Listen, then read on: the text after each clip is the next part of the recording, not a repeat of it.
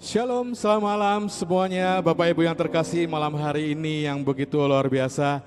Saya percaya malam hari ini adalah salah satu kesempatan yang begitu berharga Kita bertemu lagi di ibadah CG malam hari ini. Saya juga melihat Bapak Ibu banyak sekali yang antusias malam hari ini hadir Untuk bersama-sama dengan kita CG bersama di live streaming ini. Bapak Ibu ada satu hal yang ingin saya kasih sampaikan ke Bapak Ibu. Sadar gak sadar Bapak Ibu yang mengikuti live streaming malam hari ini tidak ada yang kebetulan di dalam Tuhan. Amin Bapak Ibu. Dan satu hal lagi saya ingin kasih tahu juga ke Bapak Ibu. Allah yang kita sembah, Yesus adalah Tuhan. Dia adalah Allah satu-satunya di alam semesta ini. Dia maha besar, dia maha kuasa, dia maha esa, dia maha dahsyat. Mari angkat kedua tangan kita semuanya. Kita akan menyembah dia. Kita akan memuji kebesarannya malam hari ini. Sebab hanya dia yang layak disembah dan dipuji. Haleluya. Kami memuji kebesaranmu. Katakan ajaib Tuhan, ajaib Tuhan. Amin. Ajaib Tuhan, kami memuji, kami memuji kebesaranmu.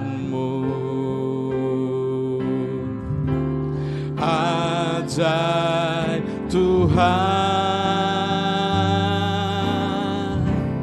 ajaib Tuhan. Saya undang mari kita bangkit berdiri semua, baik live streaming maupun tempat ini. Sama-sama kita nyanyikan, kami memuji kebesaranmu. Kami memuji kebesaranmu.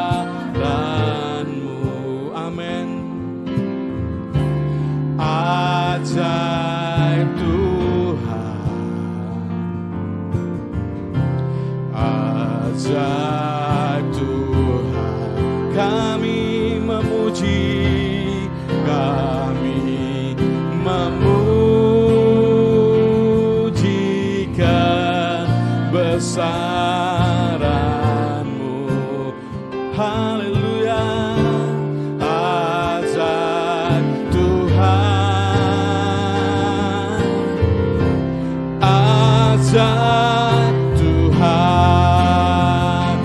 Dengan tangan terangkat katakan kami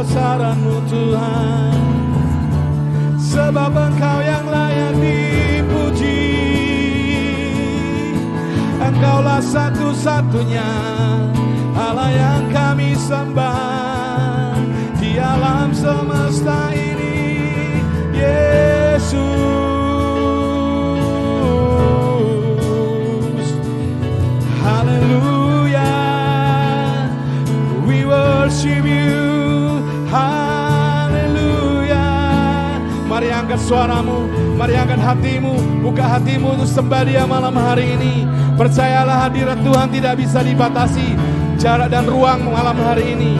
Saya percaya Tuhan sedang menjama, hadirat Tuhan sedang penuh atas tempat di mana pun Bapak Ibu malam hari ini berada.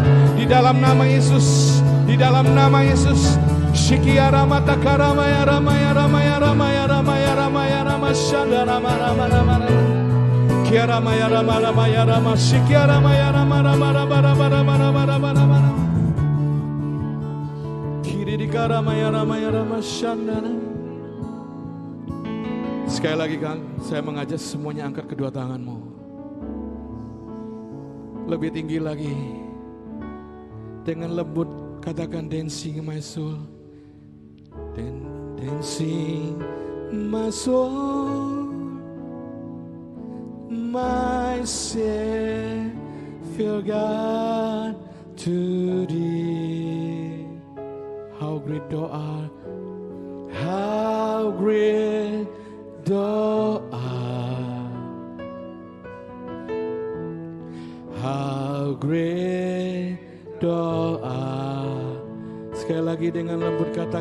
sing my soul, sing my soul, my Savior God to thee. Malam hari ini hadiratmu menembus semua jarak, semua ruang Tuhan. Di doa How doa. Sekali lagi katakan dancing my soul. Dancing my soul. My Savior God to thee. Amen. How great thou art. Yes, Lord, you're how great, how great thou art. Dancing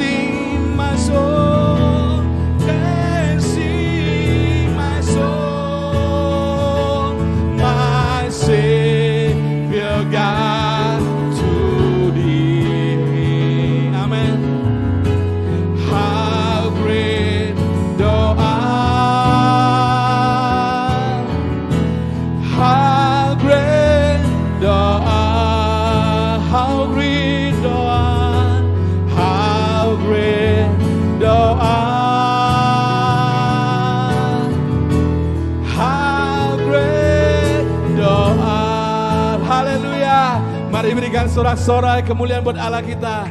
Haleluya. Amin. Amin. Tuhan, kami sungguh mengucap syukur malam hari ini.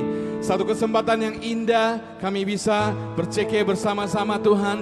Sekalipun kami seolah-olah kayak dibatasi tapi tidak ada batas di dalam Engkau Tuhan. Kami percaya kami yang ada di sini beserta juga semua yang menyaksikan, yang mengikuti CG secara online dan live streaming Tuhan. Kami percaya hadiratmu menjamah setiap kami. Engkau akan berperkara pribadi, lepas pribadi Tuhan. Kami percaya yang mengikuti Tuhan malam hari ini akan berubah hidupnya Tuhan di saat pertama ngikut sampai selesai akan mengalami jamahan ilahi. Kerajaan surga akan dipenuhi atas keluarga-keluarga tempat-tempat yang ada malam hari ini. Kami siap Tuhan memuji, menyembah Engkau, meninggikan Engkau. Hanya di dalam nama Yesus yang siap bersama-sama dengan saya katakan Amin. Sekali lagi berikan kemuliaan yang dahsyat buat Allah kita. Haleluya. Yeay. Mari kita puji Tuhan. Come on. Yeah. Katakan ku kan bangkit malam hari ini. Saya percaya Yesus telah bangkit 2000 tahun yang lalu. Dulu, sekarang, sampai selama-lamanya. Amin. Mari kita semua umat pilihan Allah dengarlah, dengarlah panggilannya untuk menggenapi firmannya. Sekaranglah waktunya apa berdiri, berdiri bagi bangsa ini. Mari maju umat pemenang. Sekali lagi mari kita semua kemau. Mari kita ye, ye, ha, ha. Pilihan Allah, haleluya. Gilanya untuk menggenapi firmannya. Kapan langlah waktunya untuk berdiri bagi bangsa ini. Are you ready? Umat pemenang. Katakan bukan bangkit, kan bangkit.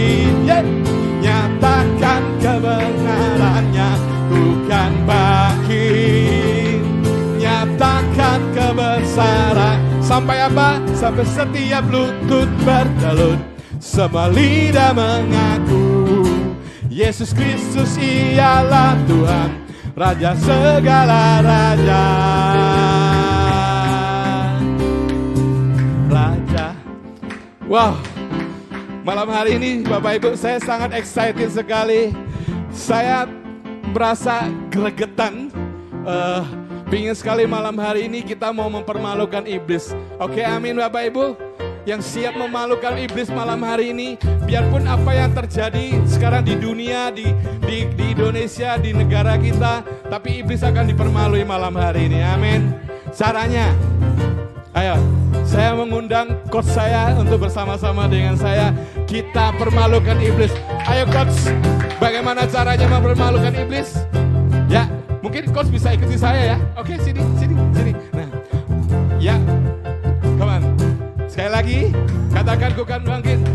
Ku kan bangkit, nyatakan kemuliaannya. Ku kan bangkit, nyatakan, nyata. Nah, seperti ini ya, semua ikut ya. Sampai setiap lutut bertelut Semua lidah mengaku Siapa? Yesus Kristus ini Tuhan Raja segala raja Sorry, saya ulang Sampai setiap lutut bertelut Sampai setiap lutut bertelut Yang di rumah juga ya Oke, tiga, dua, satu. Sampai setiap lutut bertelut, semua lidah mengaku siapa? Yesus Kristus ialah Tuhan, Raja segala raja. Ku kan bangkit, ku kan bangkit, amin. Nyatakan kemuliaannya, ku kan bangkit, yeay. Nyatakan kebesarannya. Sekali lagi, sampai setiap lutut bertelut, semua lidah mengaku Yesus Kristus ialah Tuhan, Raja segala raja. Raja,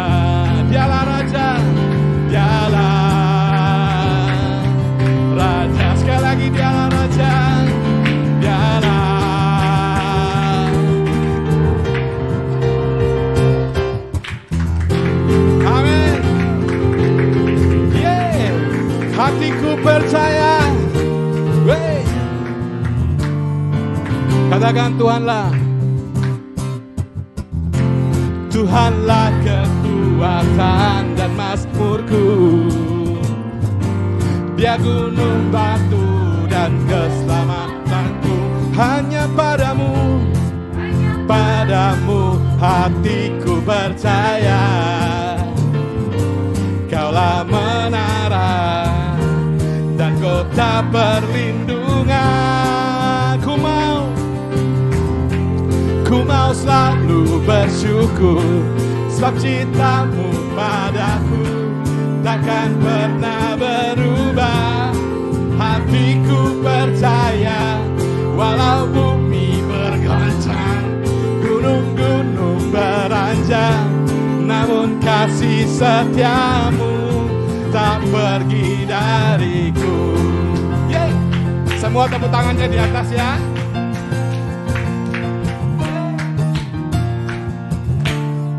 Katakan Tuhan kekuatan Tuhanlah kekuatan dan mazmurku. Amin. Dia gunung batu dan keselamatanku. Hanya padamu. Haleluya. Yeah. Kaulah menara dan kota perlindungan Ku mau selalu, on. Ku mau selalu bersyukur Sebab cintamu padaku Takkan pernah berubah. Hatiku percaya Walau bumi bergoncang Gunung-gunung beranjak Namun kasih setiamu Tak pergi dariku. Kasih setiamu pergi dariku. Kasih kasih setiamu. Yeah. pergi dariku. Yeah. Haleluya Amin. Haleluya Kau Allah yang luar biasa Tuhan. Woo. Yes Lord. Thank you. Woo. Sekali lagi berikan kemuliaan buat Allah kita. Amin. Wow. Saya percaya Bapak Ibu yang ada mengikuti live streaming sedang mengikuti malam hari ini. Saya bisa merasakan Bapak Ibu banyak, bahkan banyak yang malam hari ini yang baru pertama kali join, ikut online live streaming CG malam hari ini. Di mana pun Bapak Ibu berada, kami sangat senang sekali selama bergabung di dalam hadirat Allah. Amin yang yang sudah ikut CG sebelumnya, mungkin di sebelah kanan kirinya ada ada yang baru pertama kali hadir. Ayo kita sambut bersama-sama, oke? Okay? Dalam hitungan ketiga kita sambut ya. Tiga, dua, satu. Welcome home. Minggu depan CG lagi ya. Thank you. Berikan kemuliaan buat Allah kita. Selamat datang, selamat uh, join bersama kita di CG di bawah pengembalaan uh, Pak Adrian Sarwono. malam hari ini. Uh, sungguh satu kesempatan yang begitu luar biasa. Selain kita bisa memuji Tuhan, uh, menyembah Tuhan, tapi malam hari ini ada yang lebih spesial lagi. Ada satu kesaksian yang begitu luar biasa yang akan memberkati setiap kita malam hari ini. Bahkan kesaksian ini yang akan menjadi obat, kesaksian ini akan menjadi kuasa dipakai Tuhan ke mana-mana untuk mengubah setiap hidup orang. Amin Bapak Ibu. Yang penasaran, yang rindu untuk mendengar kesaksian malam hari ini, tetap stay tune Jangan ke mana-mana, kita langsung saya panggilkan yang akan bersaksi, Saudari Sherly malam hari ini berserta suaminya Glenn. Berikan kemuliaan buat Allah kita, haleluya.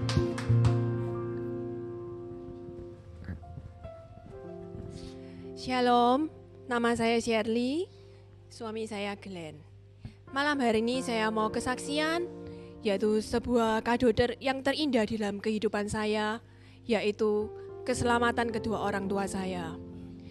Ketika pertama kali papa saya difonis oleh seorang dokter bahwa menderita sakit leukemia, saya langsung menangis dan hati ini serasa kacau.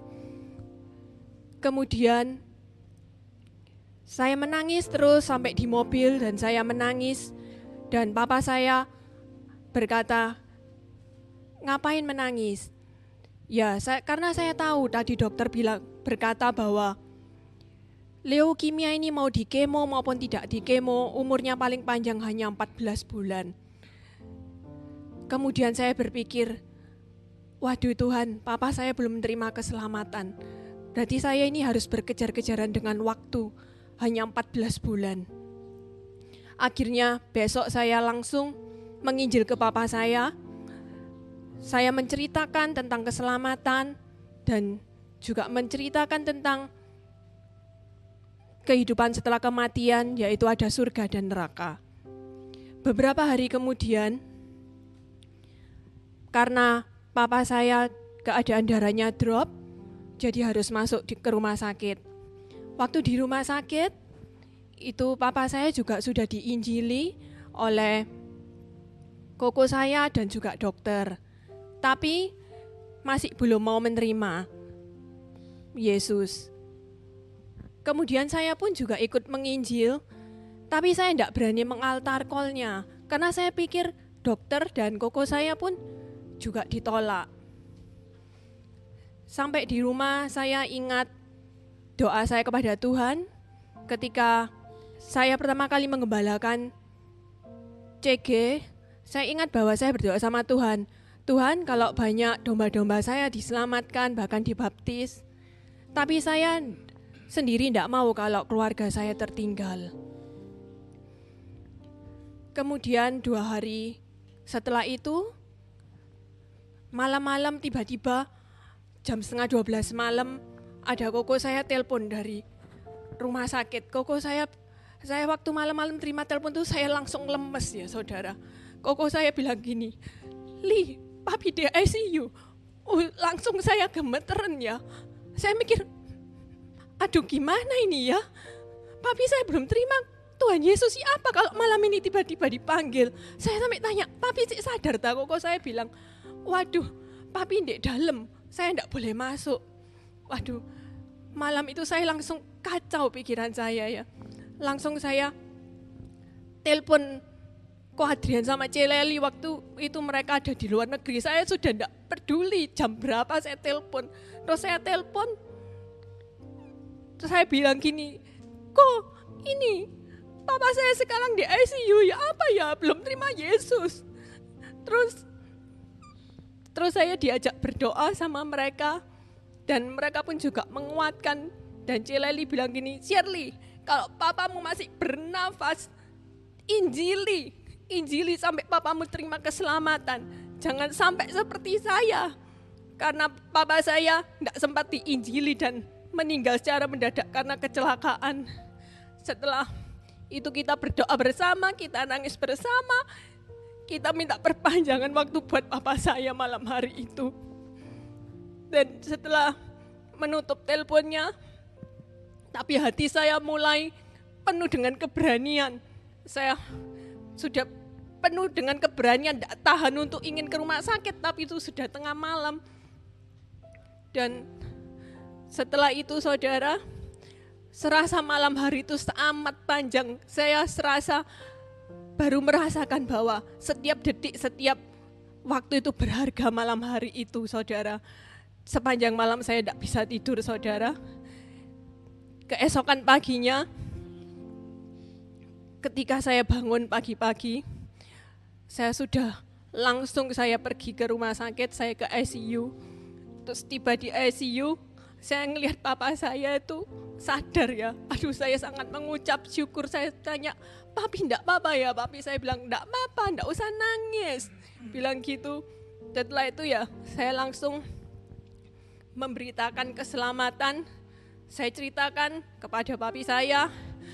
Puji Tuhan saudara, papi saya langsung mau menerima Tuhan Yesus saat itu juga. Wow ini mujizat ya saudara.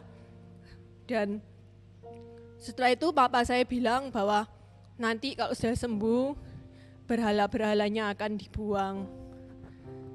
Ya setelah itu saya pulang, saya telepon TL dan saya ceritakan tentang kabar kemenangan itu saudara dan mereka bilang ayo dibaptis aja dan saya pun memberanikan diri ketika sore saya ke rumah sakit dan akhirnya papa saya pun mau dibaptis. Wow ini hari ini waktu itu saya terima dua mujizat ya saudara, yaitu keselamatan untuk papa saya dan juga baptisan papa saya dan kita minta tolong koyo untuk di, untuk papa saya dibaptis dan mereka dibaptis. Kemudian setelah dari rumah sakit itu, papa saya berobat ke luar negeri dan di luar negeri dia mendapatkan perawatan yang cukup bagus dan sehat dan akhirnya pulang dan patung berhalanya dibuang sendiri dan juga setelah itu pun mama saya juga menerima Tuhan Yesus sebagai juru selamat dan juga dibaptis karena mama saya pun juga ingin bersama-sama nanti suatu hari berkumpul di surga. Kemudian setelah lewat beberapa bulan, sekitar lima bulan, ketika itu kesehatan papa saya semakin menurun. Tetapi walaupun kesehatan papa saya menurun, ketika berobat itu dia itu tidak dia mendapatkan mujizat ya, dia masih bisa jalan-jalan, juga bisa makan-makan, Pokoknya seperti bukan orang sakit gitu saudara.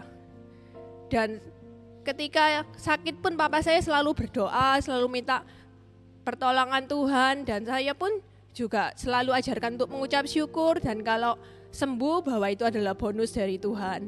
Dan saya sendiri pun selalu berdoa pada Tuhan, kalau Tuhan izinkan papa saya hidup, saya minta bahwa papa saya itu hidup tapi dalam keadaan sehat, dan juga imannya tetap teguh sama Tuhan.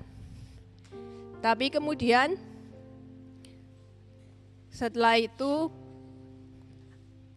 keadaan papa saya semakin drop dan ketika jalan-jalan bersama dengan saya tiba-tiba papa saya bilang Li papi ini ada yang gandeng dua malaikat satu di kanan dan satu di kiri saya pikir malaikat. Ya saya iya iya kan aja. Malaikat itu menjagai dia katanya begitu. Oh iya iya saya bilang gitu. Setelah itu dua minggu kemudian papa saya dipanggil Tuhan saudara. Tapi saya tidak menyesal ya saudara karena apa? Karena saya sudah melakukan tugas saya dan papa saya menerima keselamatan dan suatu hari saya punya pengharapan bahwa saya akan bertemu dengan Papa saya di surga. Ayo saudara yang orang tuanya maupun saudaranya yang belum mengenal Tuhan, ayo Injili, jangan takut. Karena Injil itu adalah urgent dan darurat. Karena kita tidak tahu kapan orang yang kita cinta itu dipanggil Tuhan. Terima kasih, Tuhan memberkati. Wow, sekali lagi berikan kemuliaan buat Allah kita. Saya sangat-sangat tersentuh, sangat-sangat diberkati kesaksiannya dari saudari Seri malam hari ini. Yang saya selalu ingat uh, salah satu perkataan dari TL kita Pak Adrian dan Celeli selalu mengingatkan bahwa keselamatan itu adalah urgent, darurat Bapak Ibu. Kenapa bisa? Seperti yang tadi Seri juga udah bilang, kita nggak tahu kapan Tuhan akan panggil. Yang mau saya ingatkan kepada Bapak Ibu bahwa yang malam hari ini yang belum pernah dan baru tahu yang untuk terima keselamatan dari Tuhan Yesus, jangan pernah ragu untuk ambil keputusan malam hari ini. Dan juga bagi yang sudah menerima keselamatan kasih karunia ini, jangan pernah kita mau kita egois. Kita juga harus melihat orang-orang di dekat sekeliling kita. Start dari orang tua kita, keluarga kita, teman-teman kita kita semua rindu mereka juga diselamatkan di dalam Tuhan. Amin Bapak Ibu. Percayalah, Tuhan punya rencana indah atas hidupmu. Mari siapkan hati kita untuk nyembah dia.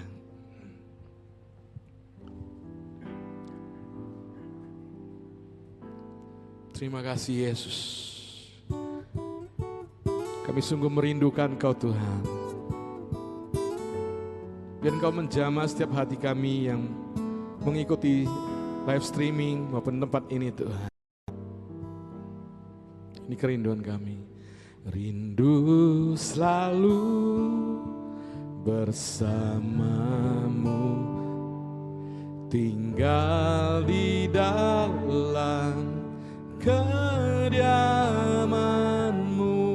Oh Tuhan sebab ku sukai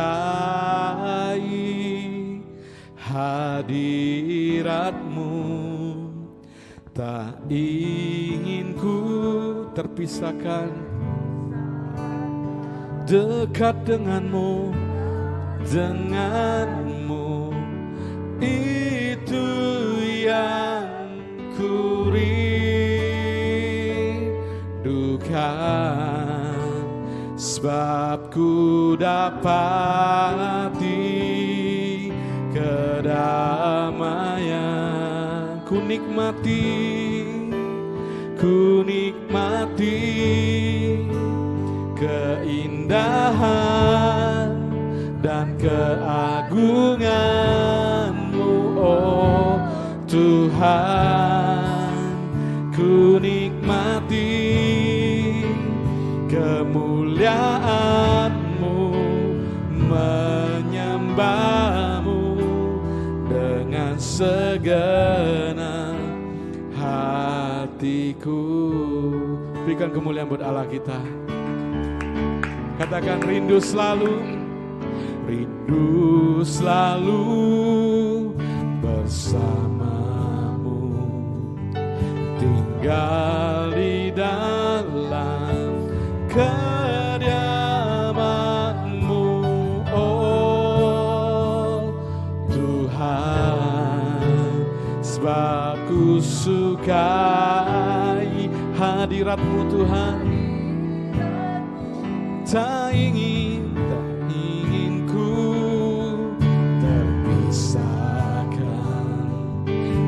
dekat denganmu. Itu yang ku rindukan. Sebab ku dapati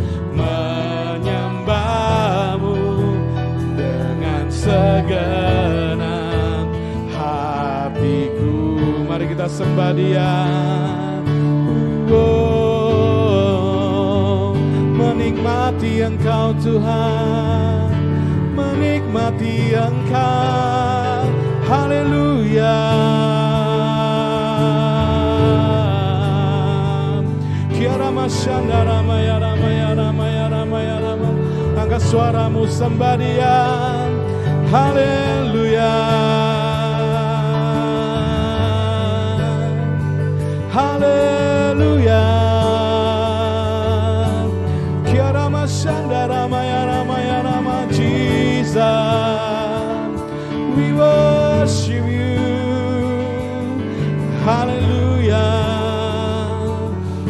Kiara mashanda ramaya ramaya ramaya ramaya ramaya ramashanda ramaya ramaya rama. Kiara ramaya ramashiki. Hallelujah. Hanya Engkau Tuhan yang kami sembah. Hanya Engkau Tuhan yang kami cinta. Kiara ramashanda ramaya ramaya ramaya. Hanya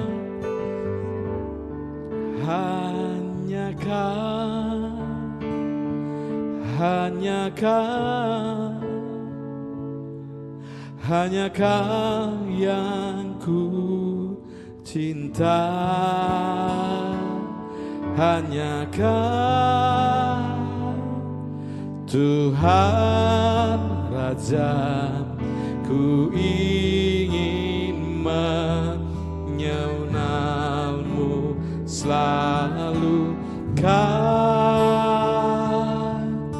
hanya kau hanya kau yang ku sembah. Suci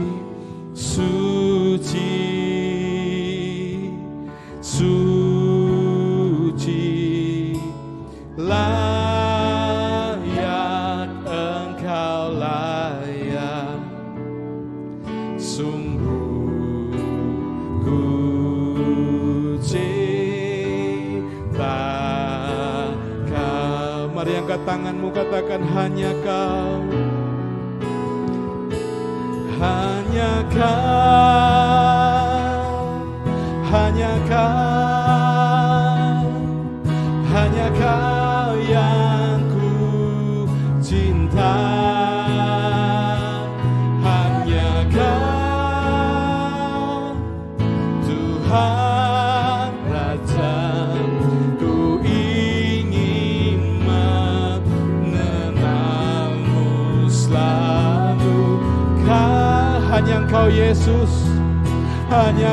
gak ada yang lain Tuhan.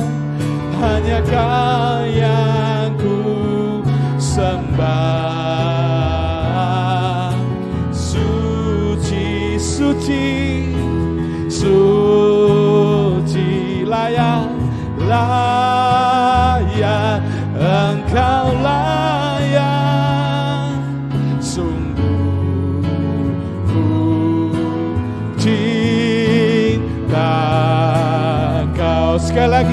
saya mengundang mari kita bangkit berdiri. Sama-sama katakan hanya kau hanya kau hanya kau hanya kau yang ku cinta.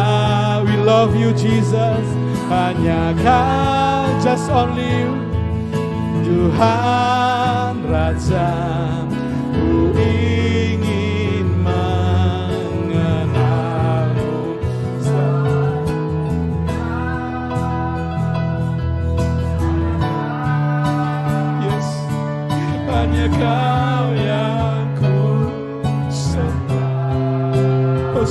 holy Suci yes.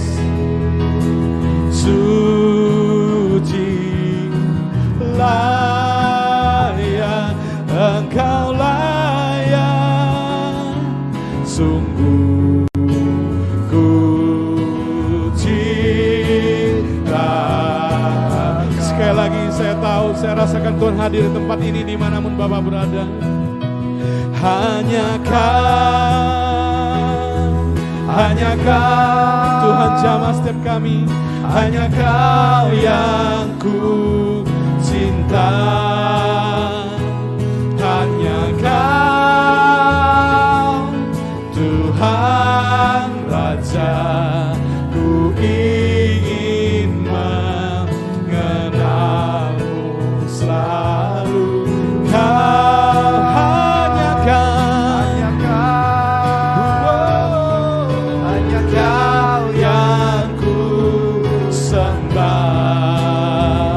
katakan suci.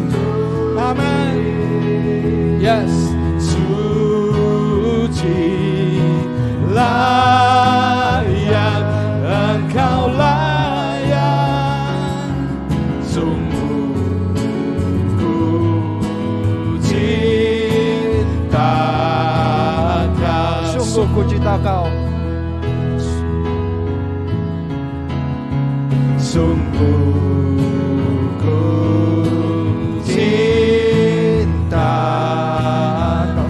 Lagi sungguh ku cinta kau. Sungguh ku cinta kau. Kami mengasihimu Tuhan Yesus. Engkau Allah yang begitu baik bagi kami. Makin hari, apalagi dalam kondisi kayak begini, kami makin menghargai kasihmu, hadiratmu Tuhan. Ini yang kami rindukan. Tidak ada yang lain yang bisa kami andalkan, hanya Engkau. Hanya Engkau Tuhan Yesus. Engkaulah kekuatan kami, Engkaulah pengharapan kami.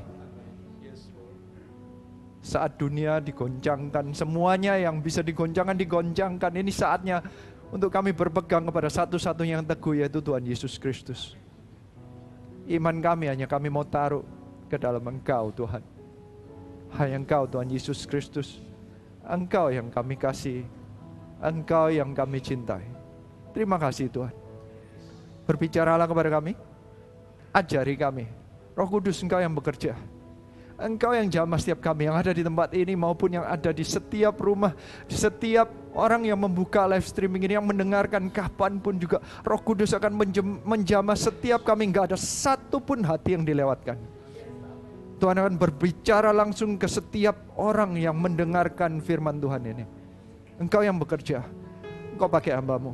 Engkau pakai kesaksian sharing. Engkau pakai ibadah kami. Engkau pakai pujian kami, penyembahan kami. Kami percaya roh kudus sendiri yang melayani hati siapa orang yang mendengarkan. CG online ini. Terima kasih Tuhan. Kau yang baik bagi kami. Hanya di dalam nama Tuhan Yesus Kristus. Semua yang siap menerima firman Tuhan katakan, Amin. Sebelum uh, duduk, saya mau mengucapkan selamat kita semua di sini. Ayo kita ucapkan selamat. Halo semuanya, hai. Oke, welcome di uh, CG online ya, live streaming. Oke, silakan duduk. Dari kesaksian Shirley tadi, ini memang ayat yang saya siapkan, tetapi memang kesaksian ini sangat mengingatkan bahwa sebenarnya keselamatan iman seseorang itulah tujuan akhir dari kehidupan kita. Apa pun yang terjadi dalam kehidupan ini, ini yang sebenarnya paling dihargain. Ini sebenarnya paling berharga. Makanya bagi Shirley tadi, keselamatan orang tua itu bagaikan kado bagi dia. Saya mau ajak kita membaca firman ini mulai dari 1 Petrus mulai da- 1 ayat 6 sampai ayat 9. Saya akan bacakan ya. 1 Petrus 1 mulai dari ayat 6. Bergembiralah akan hal itu. Sekalipun sekarang ini kamu seketika harus berduka cita oleh berbagai-bagai pencobaan. Kita sedang di dalam pencobaan, berbagai-bagai.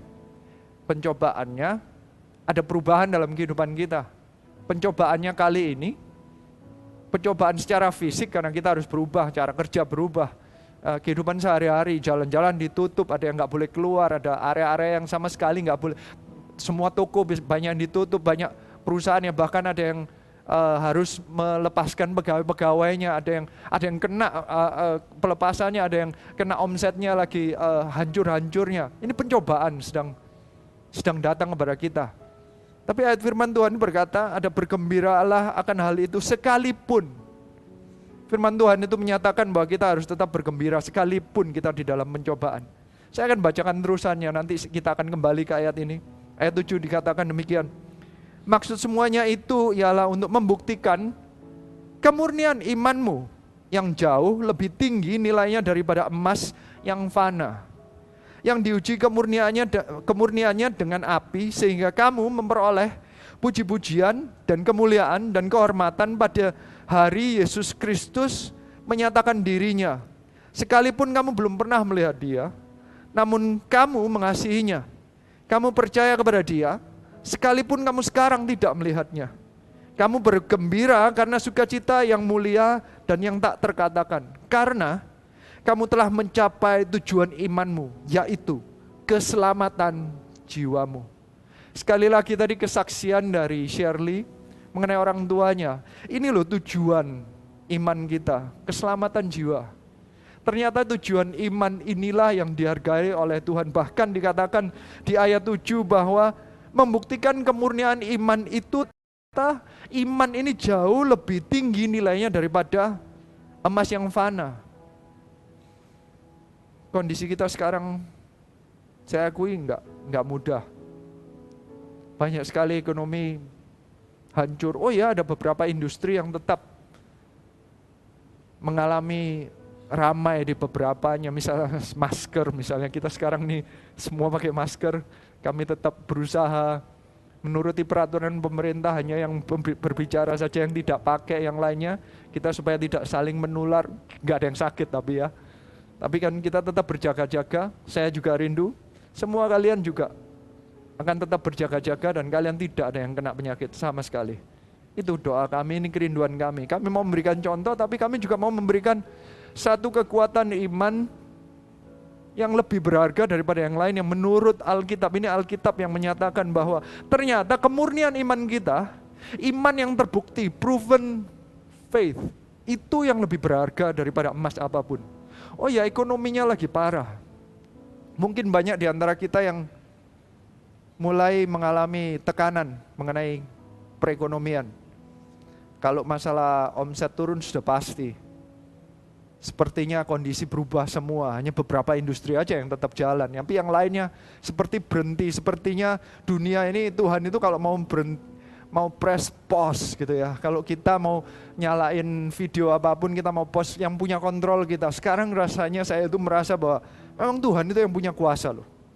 Tuhan itu mau bikin dunia itu pause. Itu tinggal kasihin satu virus sebenarnya bukan Tuhan yang ngasih ya. Jangan salah tangkap ya. Kayak satu virus gitu aja Tuhan bisa bikin seluruh dunia itu pos begitu berhenti ada saya baca di mana itu ada fotonya dunia dulu sebelum uh, kena pandemik ini. Itu di mana-mana merah panas dan uh, banyak polusi. Begitu kena pandemik kayaknya di mana-mana itu hijau biru semuanya itu kayaknya bersih semuanya itu uh, Tuhan itu kayak mau berhenti pos gitu istirahat. Kayaknya Tuhan kalau mau bikin pos kita itu pos semua. Ekonomi Tuhan kalau mau bilang berhenti berhenti gitu kayaknya. Tuhan itu punya kuasa. Sekali lagi saya bukan berkata bahwa Tuhan yang mengirimkan uh, virusnya tetapi saya itu cuma percaya bahwa Tuhan itu ada di atas segalanya. Nanti ada tujuan Tuhan yang lebih mulia yang kita sedang pelajari sekarang. Apa tujuannya bukannya kita uh, bingung bernubuatan tapi apa gunanya untuk kita? Saya percaya sesuai dengan ayat ini kadang pencobaan ini adalah alat Tuhan untuk membuktikan kemurnian iman kita. Kalau sekarang dunia sedang pos ini, sepertinya sedang ada pencobaan, ekonomi sedang sedang mengalami masalah, tekanan ini, mungkin ada yang kena sakit penyakit, ada keluarganya yang kena mungkin. Ini yang membuat ini saatnya kita mengalami pencobaan dan di tengah-tengah pencobaan itulah ini saatnya kita harus membuktikan iman kita. Kemurnian iman kita yang lebih berharga bagi Tuhan daripada emas yang fana itu. Inilah yang harus kita perjuangkan. Inilah yang seharusnya kita bingungkan. Banyak di antara kita yang saking bingungnya dengan kondisi kayak begini sampai nggak bisa tidur mungkin. Saya rindu, saya berdoa orang-orang yang kayak begini benar-benar dilepaskan. Ini tesnya bahwa selama ini ternyata Mungkin hati Anda itu nempelnya kepada dunia ini. Mungkin hati Anda nempelnya dengan bisnis Anda, mungkin hati Anda nempelnya dengan omset Anda, mungkin hati Anda nempelnya dengan pekerjaan Anda, mungkin uh, hati Anda sedang nempelnya itu kepada apa pun yang Anda berharga, uh, anggap berharga, itu mungkin emas yang fana ini. Padahal bagi Tuhan yang berharga, yang jauh lebih berharga, itu adalah kemurnian, kemurnian iman kita. Hari ini biarlah kita belajar bersama-sama kita arahkan sama-sama, iman kita ini yang harus kita cek. Apakah iman kita terbukti bahwa iman kita itu murni? Apakah iman kita terbukti dalam kondisi yang sekarang ini kita ini benar imannya? Saya kemarin bersaksi mengenai bagaimana Tuhan itu di dalam pencobaan, Tuhan itu muncul dan berbicara kepada setiap kita. Itu yang saya doakan kepada setiap orang yang ada di eh, yang mendengarkan firman Tuhan ini yang mendengarkan CG online ini, setiap orang akan mengalami perjumpaan dengan Tuhan sendiri. Tuhan akan menjamah Anda. Mungkin bentuk perjumpaannya akan berbeda-beda, tetapi saya rindu setiap orang mendapatkan jamahan. Tuhan bisa menjamah Anda dengan cara firman Tuhan ini. Tuhan bisa menjamah Anda di dalam kondisi apa pun. Tuhan bisa menjamah Anda nanti. Begitu selesai Anda sedang berdoa, Anda mungkin sedang menyanyi, menyembah Tuhan sendiri. Anda sedang membaca Alkitab, Tuhan akan menjamah Anda. Atau dari kondisi sekeliling Anda mendapatkan sesuatu dari Tuhan, Tuhan menjamah Anda. Dalam saat pencobaan seperti ini, saya rindu Tuhan menjamah Anda. Saya saksikan minggu lalu bahwa saya mendapatkan jamahan dari Tuhan saat saya sedang berdoa, saya mengalami pencobaan dan saya berdoa kepada Tuhan di lapangan olahraga saya, saya lapangan basket saya, saya Tuhan berbicara kepada saya dari hati saya, bukan dengar dengan suara audible, tetapi sesuatu yang muncul dari hati saya. Tuhan sepertinya berbicara langsung, Tuhan itu tiba-tiba hidup dalam kehidupan saya. Tetapi apa yang terjadi setelah itu? Kalau ini memang mengenai pembuktian kemurnian iman, saya coba jelaskan kepada Anda apa yang terjadi kepada iman saya, kepada hati saya. Karena sebelum saya mulai itu ada empat uh, yang akan saya jelaskan. Kita buka dulu di Lukas 8 ayat 13. Lukas 8 ayat 13 itu berkata demikian. Yang jatuh di tanah yang berbatu-batu itu ialah orang yang setelah mendengar firman itu menerimanya dengan gembira, tetapi mereka itu tidak berakar mereka percaya sebentar saja dan pada masa pencobaan mereka murtad. Ayat ini berbicara mengenai ada empat macam hati di mana firman Tuhan turun, Tuhan berjumpa dengan mereka, Tuhan menjamah mereka. Untuk sementara ini yang ini yang sifat yang kedua yaitu orang yang mendapatkan jamahan Tuhan sepertinya bergembira saat mendapatkan mengucap syukur dia percaya Tuhan, tetapi saat ada pencobaan, Orang ini murtad. Orang ini imannya jatuh. Saya rindu tidak ada satu pun di antara kita di saat pencobaan ini yang murtad dari iman kepada Tuhan. Saya rindu kita tidak seperti ini. Saya percaya kata-kata pencobaan ini sama dengan kata-kata yang ada di satu Petrus. Kata-kata pencobaannya sama. Pencobaan ini bentuknya bermacam-macam. Alkitab mencatat bahwa itu pencobaan bisa pencobaan secara fisik. Seperti yang kita sekarang mungkin kena sakit penyakit ada beberapa yang kena. Tapi mungkin juga pencobaan yang secara cemoohan. Bahkan di dalam kondisi sekarang ini banyak orang yang uh, punya pendapat lain-lain dah. Ada yang ngomong mestinya kan kamu uh, tetap bekerja kayak kayak anu ngawur aja nggak apa-apa. Nggak apa-apa Tuhan kan melindungi kamu. Kamu anu aja sudah tetap kerja aja. Orang yang pakai uh, masker itu kayak yang kurang beriman. Ada orang yang berkata demikian. Kalau menurut saya saya ya kita harus tetap bijaksana lah ya kita tetap pakai masker, kita tetap, tetap beriman bahwa Tuhan tetap bisa melindungi kita. Tapi kita kan nggak mau membuat orang lain yang nggak nggak punya kekuatan iman terus membuat kita orang Kristen yang yang percaya ini kayaknya sih sembarangan gitu loh. Nanti pikirnya kita yang nggak bijaksana.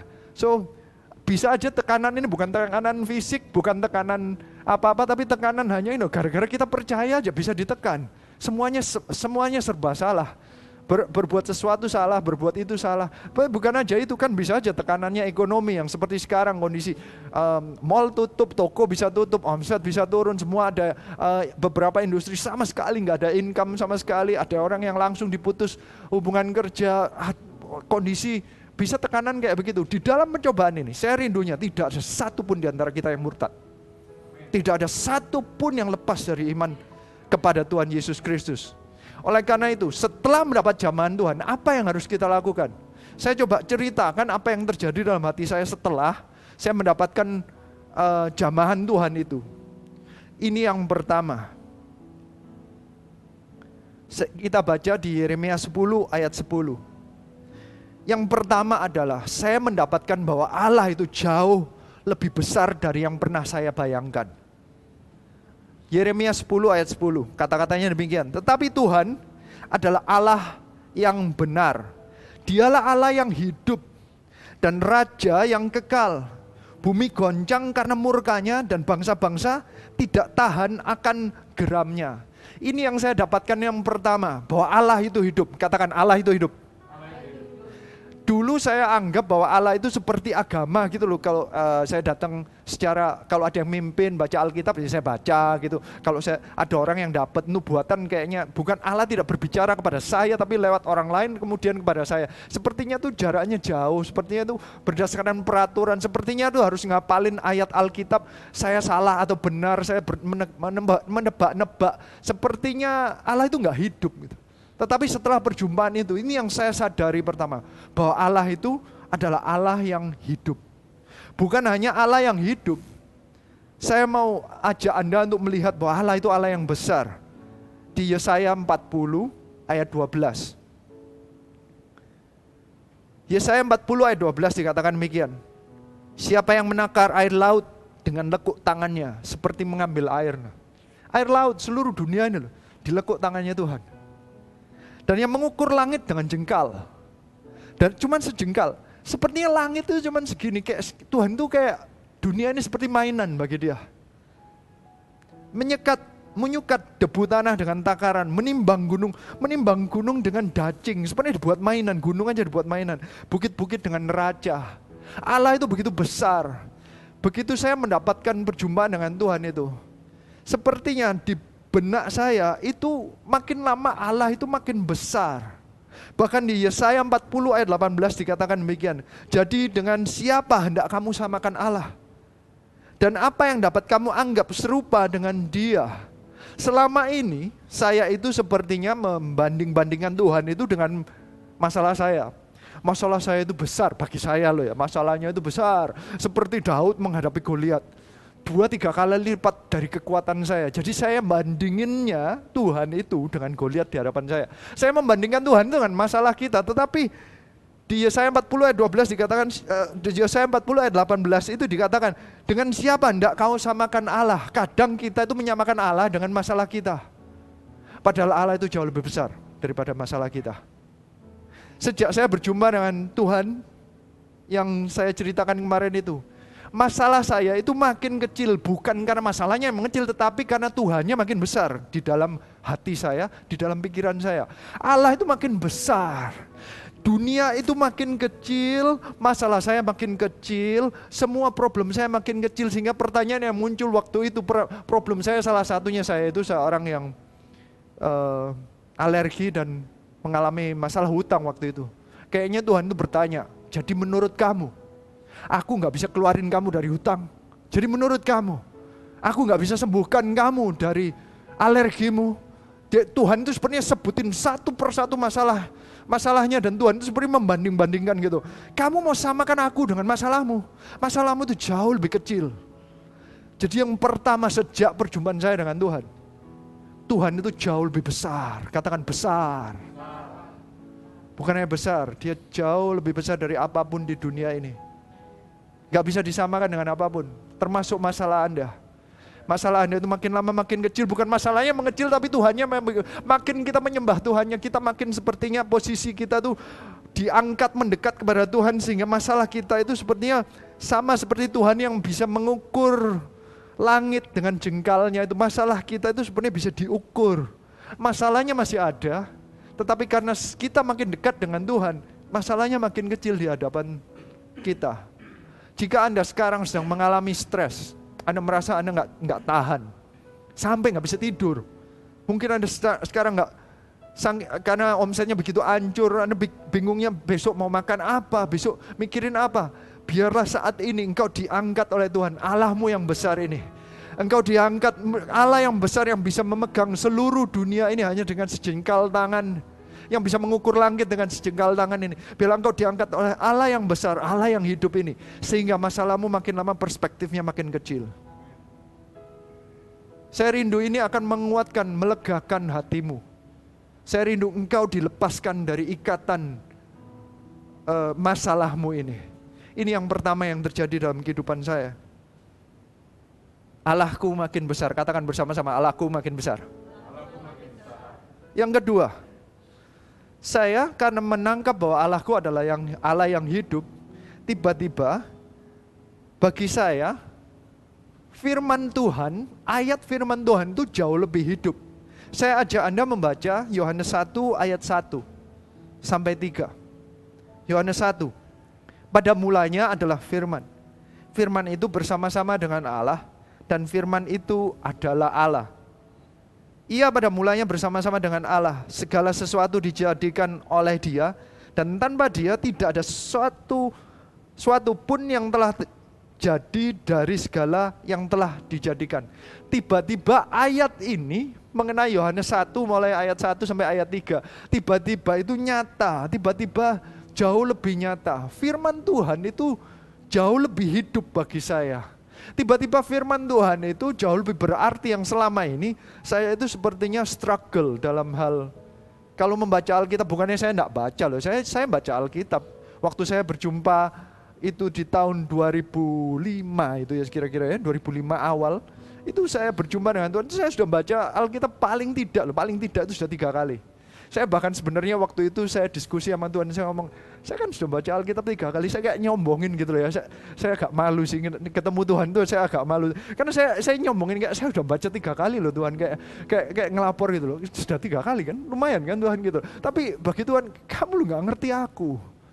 Tapi setelah berjumpa itu, bagi saya ayat firman Tuhan itu jauh lebih jelas, jauh lebih nyata. Bahkan salah satunya ayat yang yang waktu itu Tuhan ajak saya berbicara yaitu mengenai Mazmur 23 The Lord is my shepherd, I shall not be in want. Tiba-tiba hanya ayat itu aja. Tuhan itu seperti berdiskusi dengan saya untuk menjelaskan.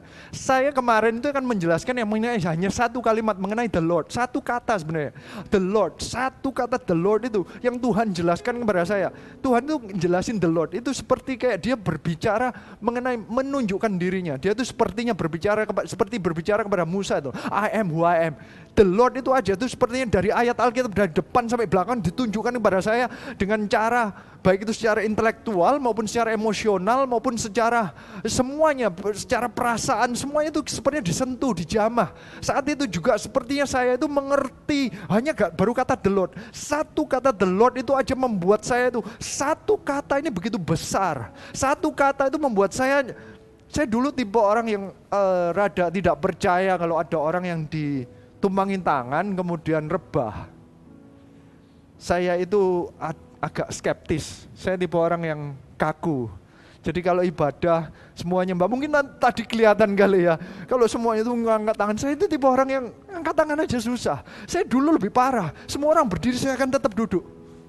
Ya terserah lah, kamu nyanyi nyanyi aja. Saya nyanyi dalam hati gitu. Saya ini orang yang nggak nggak nggak ekspresif. Saya saya skeptis banget.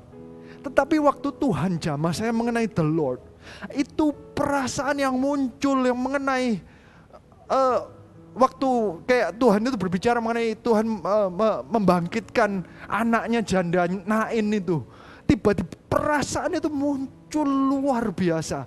Perasaan saat Tuhan berkata, aku yang menciptakan dunia, perasaan besar. Itu bukan hanya seperti saya, seperti di dalam suatu teater itu perasaan ya namanya perasaan. Saya yang selama ini nggak nggak terlalu merasa merasa itu tiba-tiba perasaannya kejam. Itu tiba-tiba saya merasa bahwa nggak salah sih.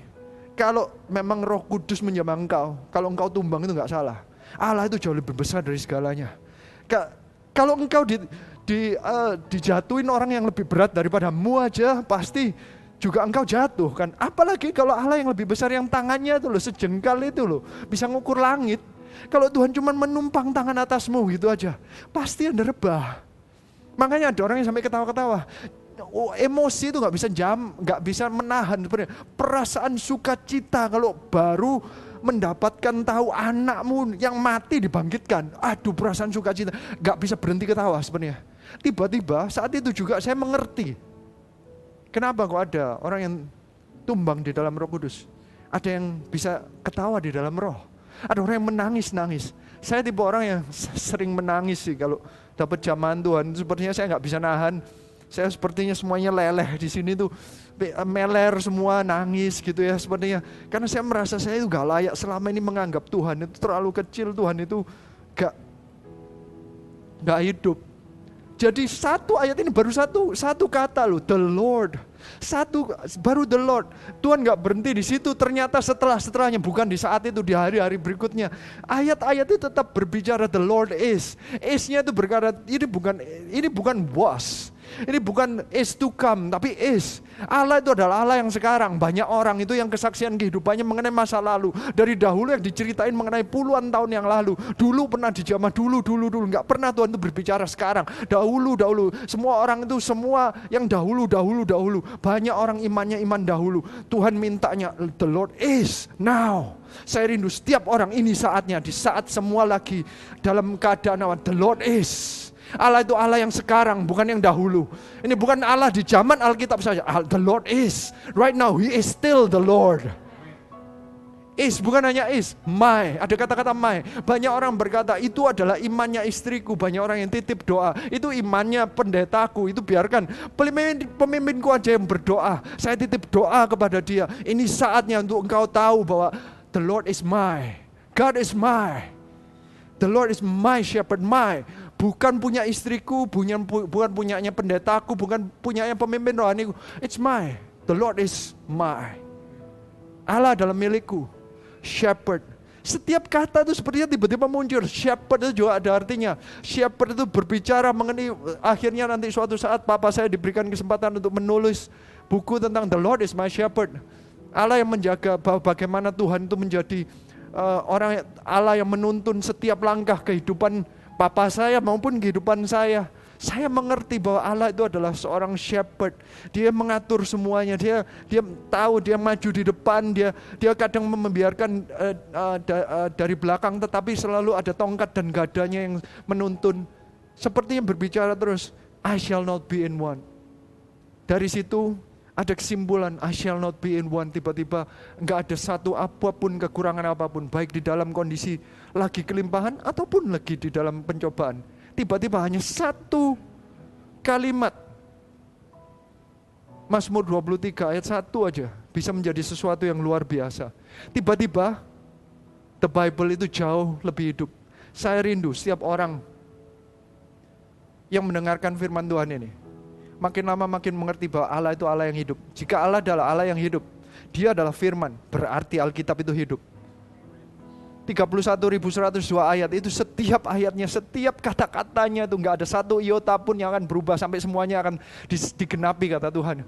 Ini semua adalah ayat yang hidup dan setiap ayat itu bisa menguatkan engkau. Semua janji-janji Tuhan akan digenapi. Asal engkau mendapatkan zaman Tuhan. Biar saya rindu, setiap orang makin rindu dan makin menangkap dan makin mengerti. Bahkan di Lukas 24 ayat 25 dikatakan demikian. Lukas 24 eh ayat 45. Lukas 24 ayat 45 dikatakan demikian. Lalu ia membuka pikiran mereka sehingga mereka mengerti kitab suci. Biarlah ini yang terjadi di dalam setiap iman kalian. Tuhan sendiri yang datang dan menjamah Anda dan seperti membuka mata rohani Anda, Anda tiba-tiba mengerti kitab suci lebih jelas lagi. Memang kadang butuh dibukakan oleh Tuhan. Oleh karena itu ini yang kunci pertama, mendapatkan zaman Tuhan. Dan setelah mendapatkan zaman Tuhan, biarlah Tuhan sendiri yang akan membukakan ini. Saya rindu setiap orang dibukakan hatinya, dibukakan mata hatinya supaya kalian mengerti kitab suci itu lebih lagi sehingga engkau menjadi sayang akan Alkitab. Engkau rindu membaca Alkitab setiap hari apalagi saat-saat ini. Ini saatnya engkau butuh firman Tuhan. Ini saatnya untuk engkau makin dekat pada Tuhan. Setelah makin mengerti, yang terjadi berikutnya adalah menghancurkan benteng pemikiran manusia.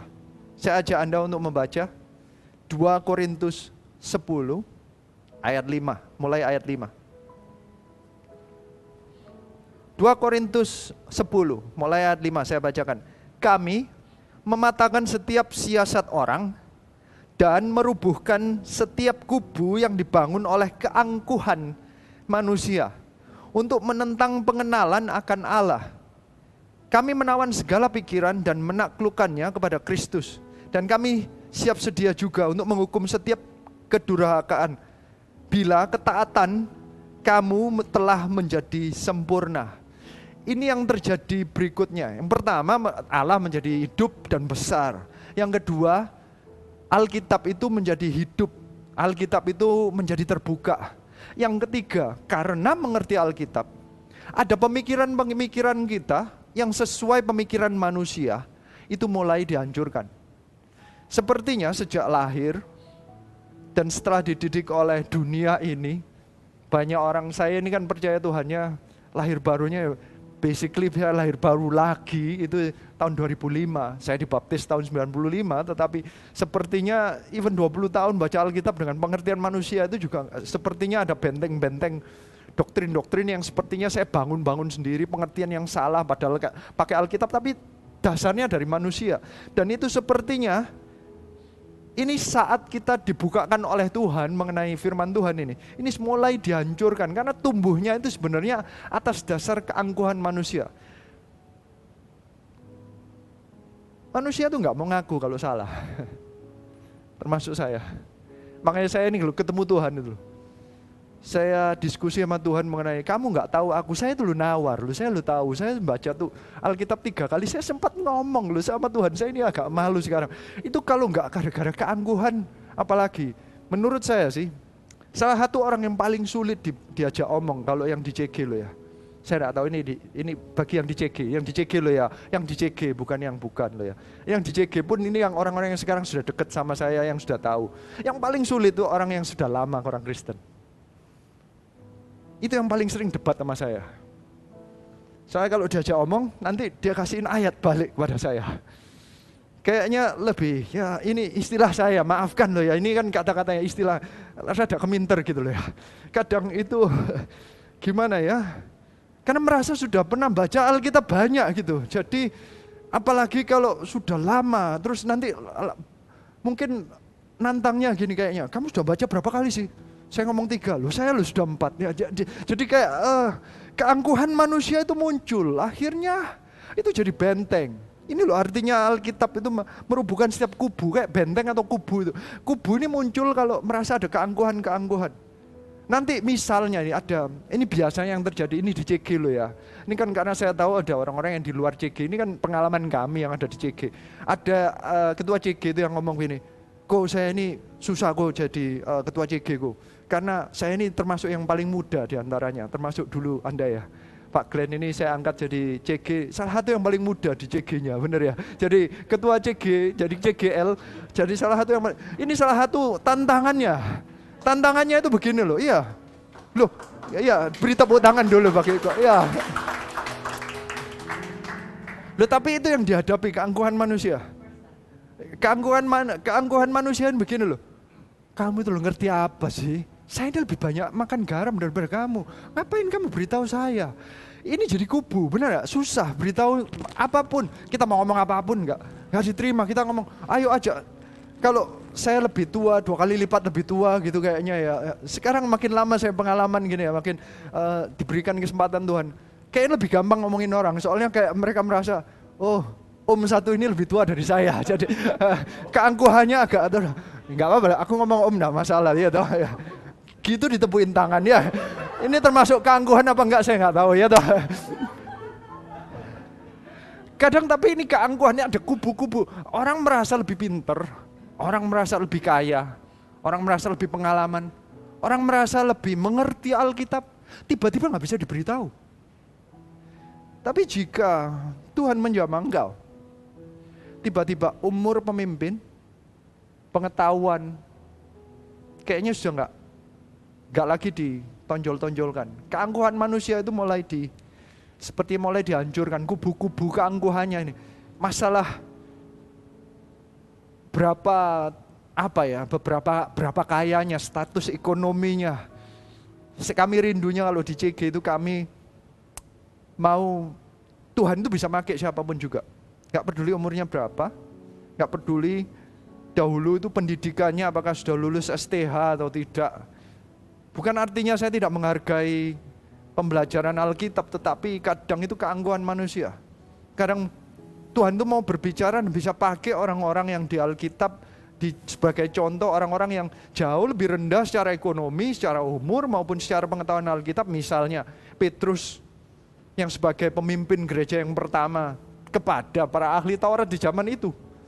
Itu orang-orang yang sepertinya ekonominya jauh lebih rendah, anu lebih pendidikannya kalah, uh, umurnya mungkin juga kalah, secara ekonomi juga mungkin kalah, powernya, posisinya juga kalah. Tetapi Tuhan bisa pakai seorang seperti Petrus sebagai orang yang dianggap sebagai hamba Tuhan untuk menyampaikannya. Dan sepertinya setelah saya membaca firman Tuhan ini, mulai pemikiran-pemikiran dan kubu-kubu dan benteng-benteng keangkuhan itu sepertinya mulai dihancurkan. Sehingga akhirnya muncul kata-kata di Yeskiel 36 ayat 26 dikatakan tadi ada sebutan disebutkan mengenai ketaatan. Saya, tapi saya mau menyebutkan kata-kata ketaatannya lewat Yeskiel ini dulu. Kamu akan kuberikan hati yang baru dan roh yang baru di dalam batinmu dan aku akan menjauhkan dari tubuhmu hati yang keras dan kuberikan kepadamu hati yang taat. Tiba-tiba ada kata-kata taat. Taat ini obey dalam bahasa Inggrisnya sepertinya obedient heart. Apa artinya obedient? Ini poin yang keempat. Dari segala baca sendiri, baca Alkitab, mengerti, tetap kita butuh persekutuan saat teduh dengan Tuhan setiap pribadi. Tetapi tetap ternyata manusia di dalam keangkuhannya itu ada satu area-area tertentu yang kita sendiri nggak bisa ngelihat bisa-bisa dikata disebut apa blind spot sepertinya. Ada area-area tertentu yang kita itu nggak bisa lihat. Orang lain bisa ngelihat dengan jelas, tetapi kita sendiri kalau kita nge-review, kita uh, ngelihat setiap hari mungkin ngelihat kita di depan kaca itu nggak ada yang tahu. Ternyata mata saya itu ada yang nggak nggak sama. Ini sekarang kan ngeliatin mata saya, iya kan? Iya toh. Iya toh, iya. Ini yang ngasih tahu mata saya ada nggak sama itu orang tua saya, mama saya. Kamu tahu nggak? Memang tahu toh ya ada yang satu, tapi enggak seberapa ngentari. Kalau saya sipitin gini nggak ada yang kelihatan ya kan. Ini hanya orang lain seperti yang bisa ngeliatin. Kita kayaknya kalau ngelihat gini ya nggak nggak nggak kerasa sih. Oleh karena itu sebenarnya kita butuh seorang pemimpin rohani. Dan ini sepertinya poin berikutnya yang saya tangkap setelah Tuhan berjumpa dengan saya. Karena dalam menu, meruntuhkan keangkuhan diri, dalam meruntuhkan kubu-kubu ini butuh seorang pemimpin rohani. Saya ajak Anda baca di Ibrani 13 ayat 17. Kata-katanya demikian. Taatilah, ini loh kata-kata taat yang tadi. Taatilah pemimpin-pemimpinmu dan tunduklah kepada mereka sebab mereka berjaga-jaga atas jiwamu sebagai orang-orang yang harus bertanggung jawab atasnya. Dengan jalan itu, mereka akan melakukannya dengan gembira, bukan dengan keluh kesah. Sebab hal itu tidak akan membawa keuntungan bagimu. Tiba-tiba ada kata-kata taat, taatilah. Tadi kan saya jelaskan bahwa Tuhan itu rindunya kita itu nanti punya obedient heart. Kita punya hati yang taat. Itu sebenarnya tujuannya Tuhan. Ini mengenai iman kita. Tuhan, Tuhan ngadain semua apa pun yang terjadi dalam kehidupan kita itu yang mau diselamatkan, yang mau dibentuk, yang mau diproses. Itu sebenarnya hati dan iman kita ini. Bukan yang lain. Banyak di antara kita datang ke gereja, cari ke CG itu mungkin cari berkat, cari breakthrough, cari kesembuhan, cari teman, cari pacar, cari pasangan hidup. Tetapi sebenarnya yang Tuhan cari itulah hati yang taat. Karena Tuhan tahu kalau hati yang taat itu nanti akan mendapatkan keselamatan jiwa-jiwa tadi, itu keselamatan jiwa. Dan makanya ini saatnya Tuhan membentuk hati di dalam keangkuhan manusia. blind spot itu kadang yang bisa melihat itu hanyalah para pemimpin. Saya mengucap syukur, kita ada di gereja di mana para pemimpinnya itu dengan bertanggung jawab. Mereka me- menjaga-jagai hati kita. Makanya kita sekarang ada ibadah online ya, hari Minggu ya. Siapa yang minggu lalu ngelihat uh, ibadah online ya, yang kata dia. Saya mengucap kita mengucap syukur ya, kita ada ibadah online bahkan ada yang doa yang setiap hari ada ya, setiap hari ada, ada yang doa bersama Pastor Philip itu yang hari Rabu dan hari Sabtu, ada doa fajar. Kita ini saking berusaha, ini para pemimpin berusaha. Kita pun yang di CG kita berusaha lah, kita mau berusaha, kita mau nangkep hatinya para pemimpin ini, kita mau juga sama-sama kita mau menjagai hatinya. Tetapi masalahnya, manusia itu karena angkuhnya itu ya beginilah. Apalagi saya nggak tahu, saya ini orang Indonesia, saya lahir di Surabaya, didikan Surabaya kayak gitu ya. Kok kayaknya ya begini loh, kalau taat itu gampang. Ini soalnya kata-katanya begini, taatilah pemimpinmu, taat itu gampang. Kita ini kan kalau suruh narik, saya nggak tahu saya loh ya. Saya kalau nggak ada orang ya kita ber, ya maksudnya kalau semua ada ada kayak apa ya kalau ada yang ngecek gitu ya kalau taat peraturan saya nggak nggak mau melanggar. Saya ini orang tipe yang nggak mau melanggar. Tapi kalau nggak ada orang kalau malam-malam jam mungkin pagi-pagi jam 2 pagi gitu lampu merah anda terus apa? Enggak ya, anda jawab sendiri ya saya nggak tahu. Anda anda anda terabas atau enggak itu ya? Itu yang namanya terabas itu apa ya? Dilewatin ditembusin ya. Di, di, di nyelonong aja anda, anda lewatin. Lampu merahnya anda lewatin atau tidak? Lu kalau taat ya namanya kalau ada polisi di depannya kita mungkin akan taat kita akan berhenti gitu ya. Apalagi kalau diomongin dari CCTV sekarang benar ya? Gara-gara itu mungkin banyak yang taat. Karena kita lebih gampang taat. Tapi kalau tunduk ha, belum tentu tunduk itu adalah kalau ketahuan kita mau nggak ngomong oh ya memang saya salah minta ampun gitu ya. Mungkin nggak kita melakukannya? Mungkin nggak? Dari apa yang saya alami itu mulai kelihatan saya ini sudah baca Alkitab. Saya kan perjumpaannya itu sekitar tahun 2005 awal. Saya mulai mengerti saya makin mengerti Tuhan itu besar Allah yang hidup Alkitab itu makin nyata dan saya mulai berubah karena saya Alkitab itu saya makin mengerti peraturannya, saya makin mengerti, saya mulai taatin. Tetapi ada satu hal yang blind spot saya, saya belum tentu tunduk. Ternyata ada satu hal itu yang butuh pemimpin rohani sepertinya yang harus menegur.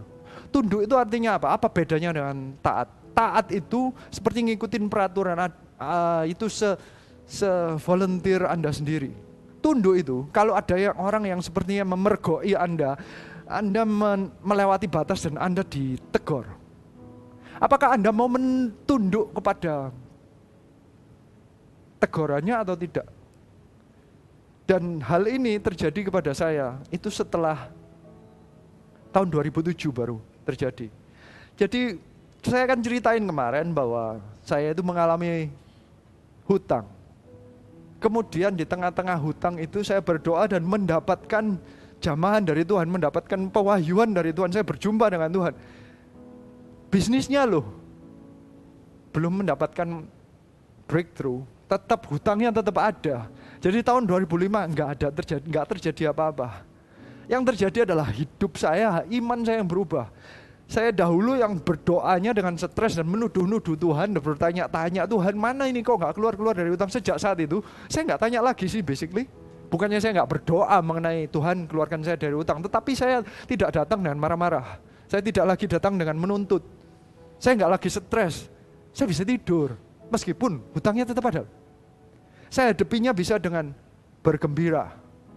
Karena saya tahu ada Allah yang hidup yang beserta dengan saya tapi ada satu titik di mana akhirnya benar-benar sepertinya aset dalam bisnis saya habis, aset keluarga saya, basically saya itu saya cukup malu dan saya cukup saya bisa akuin saat ini bahwa saya itu sebenarnya menghabiskan apa pun yang papa saya selama 50 tahun kerja sebagai seorang profesional dia melakukan apa pun itu sepertinya apa pun yang dia lakukan itu saya ambil dan saya pakai dengan segala ambisi saya. Saya itu ingin cepat besar, ingin, ingin cepat kaya.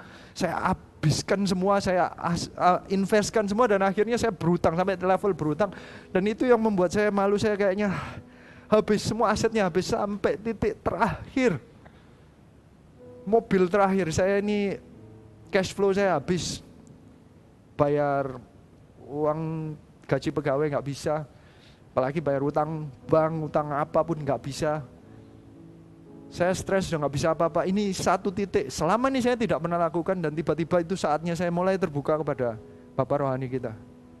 Selama ini saya dengan keangkuhan saya, saya merasa bahwa saya ngerti Alkitab. Ya, saya kan sudah baca Alkitab tiga kali. Saya tidak perlu tanya siapa pun. Jadi saya hadapin sendiri. Loh, saya punya Allah yang besar, saya nggak pernah tanya. Sampai tahun 2007 saya nggak tahan. Itu pertama kalinya saya itu sebenarnya terbuka kepada seseorang Bapak Rohani, seorang pemimpin rohani. Waktu itu kebetulan saya nanyanya kepada Pastor Philip. Saya cuma datang dan tanya kepada Pastor Philip, Pak Philip tolong doakan. Bisnis saya dalam hutang, lagi masalah besar, tolong doakan. Itu pertama kalinya, selama ini nggak pernah terbuka. Ah, karena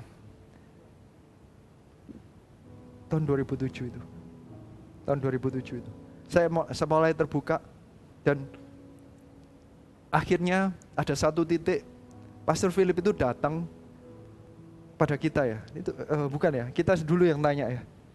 Saya tanya, habis gitu saya itu tanya, kalau nggak salah kita itu lagi pergi saya sama istri saya sama saya lagi nganterin Pastor Philip pelayanan di satu kota lain. Saya soalnya minta didoakan, dia tuh dapat jawabannya dari Tuhan dan dia berkatanya demikian. Eh, tiba-tiba uh, dia ngomongnya begini, hmm, kamu itu harus melepaskan salah satu divisi dari perusahaanmu. Karena itu merupakan suatu berhala bagi kamu. Saya itu kayak, apa? Dalam hati lo ya, dalam hati lo ya. Muka saya itu saya tetap berusaha tersenyum. Jadi saya, apa? Jadi seperti saya, saya tetap tersenyum saja. Saya saya enggak lu saya kan minta doa sama Pastor Phil. Terus gimana saya masa saya marah ya kan. Jadi saya tetap tersenyum saja, tetapi dalam hati saya ini pelayanan saya kira. Dalam hati saya ini kan melayani, saya sudah ngerti, saya sudah ketemu Tuhan. Saya ini baca Alkitab sudah, waktu itu sudah lebih dari tiga. Di, di semua keangkuhan itu seperti muncul semua. Tapi Pastor Phil bilang itu sebenarnya ada benernya. Tapi waktu itu saya nggak sadar. Saya merasa bahwa Lu kan saya sudah melayani Tuhan, saya saya pelayanan, saya seorang pemimpin di CG loh. Saya berdoa, saya bahasa roh, saya, ber, saya semuanya melakukan semuanya, tapi kok bisa tiba-tiba ada kata-kata berhala? Saya diomongin saya harus nutup satu divisi itu seperti saya menolak. Tapi saya, saya Pastor Philip itu kayak kelihatan muka saya berubah. Padahal saya tetap senyum loh waktu itu ya. Saya merasa senyum saya tidak tahu. Senyum mungkin senyum kecut. Jadi ya ya mungkin hamba Tuhan bisa membedakan senyum biasa sama senyum kecut ya. Jadi ya senyum menolak. Ya ada kata-kata senyum menolak itu ya. Senyum tapi eh, maksudnya ya, ya uh, kadang saya juga kalau doain orang juga gitu ya kalau ngasih pendapat itu oh, orang ini sudah nggak dengerin lagi ketahuan. Jadi Pastor Phil langsung oke okay, kita pergi yuk gitu. Jadi tiba-tiba berangkat gitu ya. Saya menolak sebenarnya kata-katanya Pastor Philip. Saya meskipun tersenyum dalam hati no. Buat apa saya? Karena Allahku besar. Loh Allah besarnya saya pakai ingin ya selamatin toh bisnisku Kenapa saya mesti tutup bisnisnya? Tiba-tiba seperti kayak saya malah menuntut Tuhan itu kayak lu nggak bisa Tuhan. Kalau kau engkau memang Allah yang hidup, engkau harus selamatkan aku. Gak bisa, saya ngotot itu padahal itu keangkuhan saya. Padahal akhirnya saya itu selama dua minggu kayak itu saya itu berdebat sendiri. Saya mulai akuin, sebenarnya saya mulai melihat bahwa sebenarnya saya bangun pagi berdoa. Itu berdoa untuk bisnis saya. Bangun pagi yang saya doain omsetnya Malam saya doain profitnya. Besoknya saya doain pegawainya. Besok lusanya saya doain uh, apa ya produktivitinya. Pokoknya yang saya doain itu ternyata saya coba lihat itu ya saya dulu coba catat dulu doa saya apa. Saya saya baca itu semua untuk bisnis saya. Ternyata kelihatannya saya ini selama ini make Tuhan itu hanya sebagai vending machine.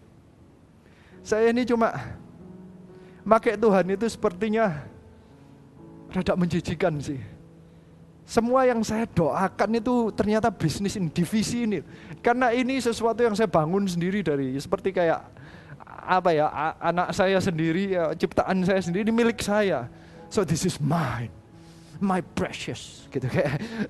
Gara-gara itu terus jadi ini milik saya. Jadi ini yang yang lainnya nggak boleh, nggak boleh diambil. Jadi begitu tak ini dilepaskan saya oh, no, my precious tiba, ya mungkin ah, my precious ya tiba-tiba ya kayak golem di Lord of the Rings. Kalau belum lihat anda ya, kelewatan ya. Ini bagian ini mungkin Pak Sir Philip melihat saya semigolnya keluar. My precious. Jadi itulah berhalanya. Selama ini ternyata bisnis saya inilah berhalanya. Saya pakai Tuhan untuk memberkati perusahaan saya. Ini yang keangkuhan saya. Hanya seorang Bapak rohani yang bisa melihat itu. Dan karena Pastor Philip, saya percaya gereja Marsiano dengan para pemimpin rohaninya adalah para pemimpin yang bertanggung jawab atas kita. Mereka itu bertanggung jawab dan mereka itu tujuannya kalau menegur itu untuk kebaikan kita. Untuk iman kita, supaya iman kita murni. Dan dua minggu kemudian di saya sedang meronta-ronta, mau iya mau enggak, mau ya enggak. Tiba-tiba ini pertama kalinya kayak Pastor Philip datang ke kantor kita. Selama ini kalau ketemu di tempat yang lain gitu kayak, ini datang ke kantor kita khusus sudah datang doakan. Kamu harus lepas itu deh. Kayak kayak ah, saya akhirnya menyerah. Ya sudahlah, saya menyerah lah. Saya kayaknya ya saya ngalah, saya saya akui Tuhan, saya ada keangkuhan yang kubu yang saya tahan. Semuanya sudah saya lepaskan satu kubu ini loh bisnis satu ini loh yang saya bangun sendiri loh, saya mau pegang satu ini. Let this be mine. Ada satu yang mau saya pegangin. Ternyata ini pun emas yang cuman fana. Ini loh nggak sepi berharga. Tiba-tiba Tuhan itu seperti berkata, Tuhan lo bisa berkati kamu bukan lewat perusahaan ya bisa. Siapa pun sekarang yang mengalami masalah, Tuhan bisa berkati Anda bukan hanya dengan bisnismu yang sekarang, bukan dengan pekerjaanmu yang sekarang. Tuhan bisa berkati Anda lewat bisnis yang lain. Bisa dari pekerjaan yang lain. Allah itu begitu besar. Dulu Tuhan itu kayak saya paksa harus lewat bisnis ini. Tiba-tiba saya, ah, ya sudah saya lepaskan. I let go. Dalam waktu tiga bulan setelah saya let go, melalui begitu banyak proses, prosesnya nggak akan terlalu saya jelaskan di sini yang pasti saya harus ngelepasin banyak pegawai, saya harus menegosiasi dengan supplier, dengan apa, uh, negosiasi dengan apa, semuanya harus tiba-tiba dalam waktu tiga bulan ada perubahan yang dibalik, ada bisnis yang baru yang Tuhan angkat, yang cash flow-nya jauh lebih baik dengan bisnis saya yang lama, dan dari situ saya bisa nutup seluruh hutang saya yang 10 kali lipat omset tuh ya. Itu dalam waktu tiga bulan, itu mujizat. Karena nggak mungkin secara manusia itu bisa terjadi. Saya tahu itu hanya Tuhan yang bisa ngatur itu semua yang saya coba atur selama bertahun-tahun puluhan tahun sebenarnya dan itu nggak terjadi dan Tuhan dalam waktu tiga bulan bisa atur dan semuanya menjadi lebih baik dan saya keluar dari hutang. November 17. September 17 2007. Dan memang saya harus tutup. Saya harus nutup satu bisnis. Saya akuin bahwa itu memang berhala saya. Saya lepaskan, saya tunduk kepada Bapak rohani saya. Saya bukan hanya taat, tapi saya tunduk. Ada keangkuhan yang saya lepaskan, yang saya mau akui bahwa ada sesuatu yang hanya Bapak rohani yang bisa. Dan saya percaya itu seperti yang terjadi kepada Petrus. Petrus itu juga mengalami hal demikian.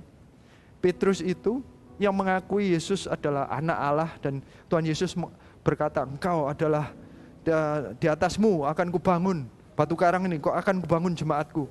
Dan tiba-tiba Petrus ini yang nantinya yang akan mengkhianati Tuhan Yesus Kristus. Dan akhirnya di setelah Tuhan Yesus bangkit di Yohanes 21, saya mau ajak Anda baca ini Yohanes 21 ayat 6. Maka kata Yesus kepada mereka, tebarkanlah jalamu sebelah kanan perahu, maka akan kamu peroleh. Lalu mereka menebarkannya dan mereka tidak dapat menariknya lagi karena banyaknya ikan. Kondisi saat itu di Yohanes 21, itu murid-murid sudah berusaha menjala ikan sepanjang malam dan tidak ber, menemukan ikan apa pun. Tiba-tiba Tuhan Yesus datang sepertinya ngasihin satu perintah, sebenarnya satu teguran dan disuruh melakukan sesuatu hanya karena tunduk aja. Dia mau mengakui ya mungkin selama ini aku salah dan aku mau menebarkan jalan sebelah kanan. Eh, uh, tiba-tiba mau melakukannya maka tiba-tiba mendapatkan ikan, mendapatkan mujizat. Itu yang saya terima juga. Hanya karena saya tunduk, saya mendapatkan mujizat. Ada mujizat di dalam ketaatan. Dalam bahasa Inggrisnya ada miracle di dalam obedience. Ternyata ini step kedua yang saya alami setelah perjumpaan dengan Tuhan. Hati, iman yang proven, obedient kepada Tuhan. Hati atau iman yang benar-benar terbukti taat dan tunduk kepada Tuhan melalui para pemimpin rohani. Hari ini saya rindu ada hati-hati orang-orang yang saatnya untuk melepaskan segala kubu-kubu benteng-benteng keangkuhan. Mungkin itu mengenai apa ya, merasa harus ada apresiasi kepada diri sendiri, merasa engkau sudah bekerja lama, merasa sudah terlalu baik.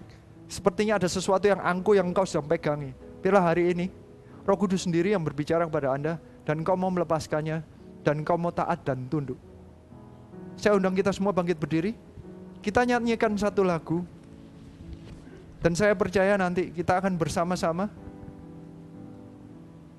mendapatkan apa yang Tuhan maui dalam hidup kita. Kita nyanyikan lagu ini bersama-sama.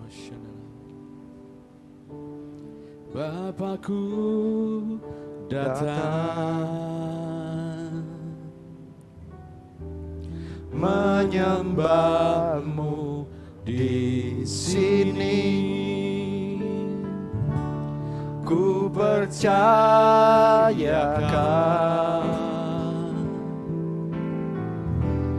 ada bagiku.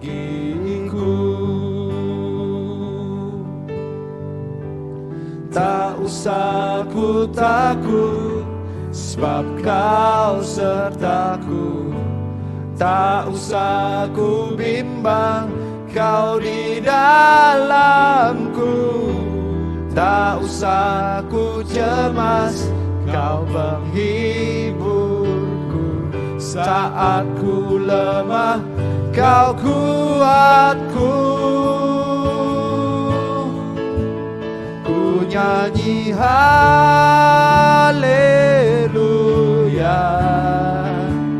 Ku nyanyi haleluya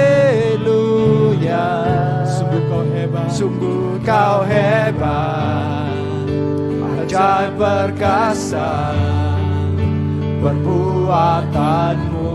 Ku nyanyi haleluya. Ku nyanyi haleluya. Ku nyanyi haleluya. Sungguh kau hebat Ajaib perkasa Perbuatanmu Di hidupku Saya rindu untuk mendoakan. Saya percaya kita sekarang sedang di dalam pencobaan. Mungkin di antaranya ada orang-orang yang sedang mengalami tekanan yang begitu besar. Mungkin engkau sedang mengalami stres. Hari ini saya rindu. Engkau sadar bahwa Allahmu adalah Allah yang hidup, Allah yang besar dalam kehidupanmu. Biar firman Tuhan itu firman yang hidup dalam kehidupanmu. Hari ini juga biar firman Tuhan itu satu persatu setiap kubu pertahanan pengertian bukan yang bukan dari pengertian Kristus saat ini dihancurkan di dalam nama Tuhan Yesus Kristus. Ada keangkuhan-keangkuhan, ada kesombongan, ada uh, ketergantungan kepada kekuatan uang, kepada kepandaian saat ini dihancurkan satu persatu. Kepandaian merasa pandai itu saat ini dihancurkan di dalam nama Tuhan Yesus Kristus. Biar saat ini yang dihargai, yang paling lebih berharga yaitu iman yang terbukti nyata sempurna di hadapan Tuhan. Iman yang tunduk kepada Tuhan Yesus Kristus itu terjadi dalam kehidupan setiap orang di tempat ini. Saat ini hamba berdoa akan muncul hati-hati yang imannya dimurnikan di dalam pencobaan ini digoyahkan, diruntuhkan semua tembok yang bukan pemikiran Kristus dihancurkan di dalam nama Tuhan Yesus Kristus. Orang-orang yang terikat saat ini juga saat ini nggak bisa tidur, hamba berdoa.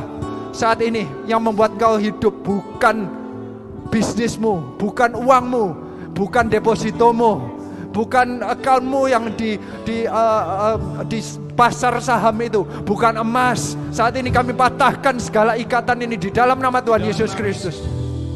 Tuhan Yesus Kristus yang menjadi kekuatan bagi dirimu. Biar hari ini engkau diangkat, kau diberikan kekuatan, Kau bisa melihat kekuatan dari Tuhan. Kau bisa melihat masalahmu itu jauh menjadi mengecil karena engkau engkau diangkat oleh Tuhan. Tangan Tuhan yang bisa mengatur, uh, mengukur langit itu sekarang mengangkat engkau. Engkau diangkat ke atas. Engkau biarlah benar-benar datang kepada Tuhan berkata, segala keangguhanku enggak aku mau lepas. Aku mau aku mau lepaskan semua. Hamba berdoa saat ini juga. Nanti dalam CG demi CG.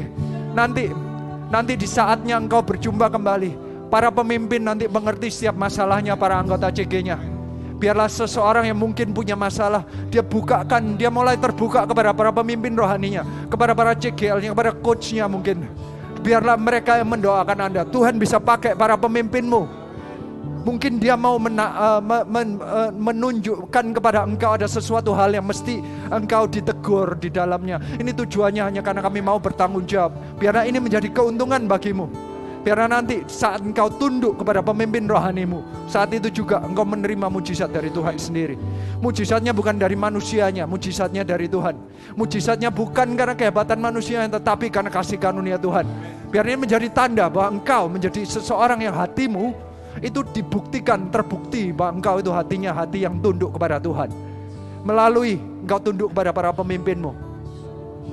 Saya rindu, saya mulai mau doakan satu persatu saya percaya ada beberapa orang yang sedang mengalami masalah dalam pekerjaannya.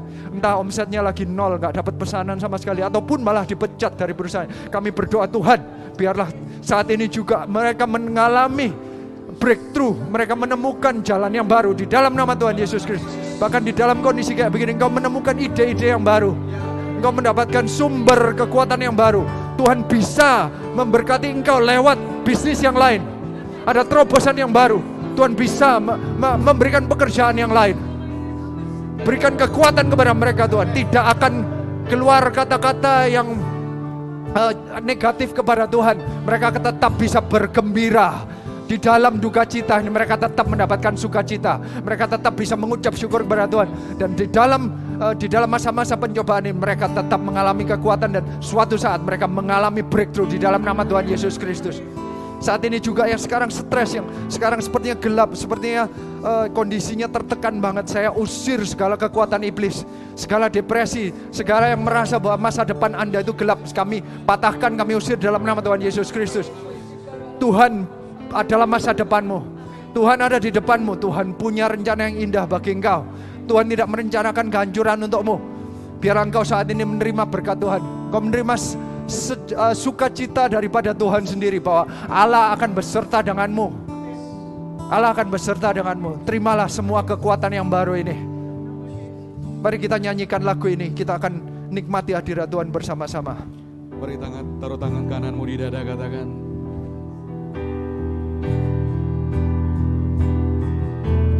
Tak usah ku takut sebab kau sertaku Tak usah ku cinta kau di dalamku.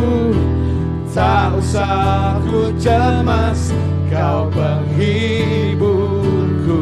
Saat ku lemah kau kuatku Sekali lagi katakan tak usah ku takut. Tak usah ku takut Sebab kau sertaku Tak usah ku bimbang Kau di dalamku Tak usah ku cemas. Kau penghiburku Saat ku lemah Kau kuatku. Ku nyanyi haleluya.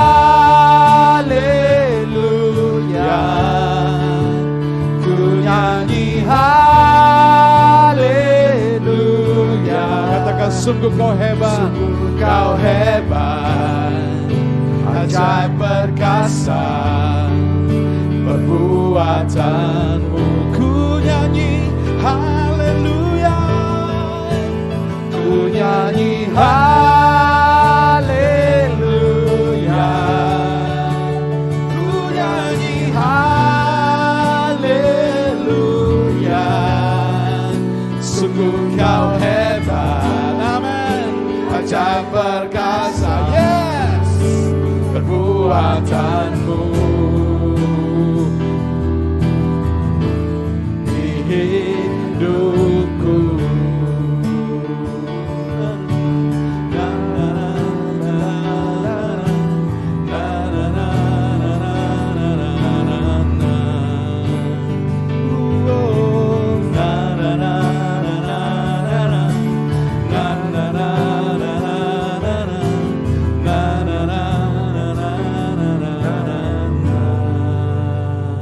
Mari kita berdoa, angkat kedua tanganmu.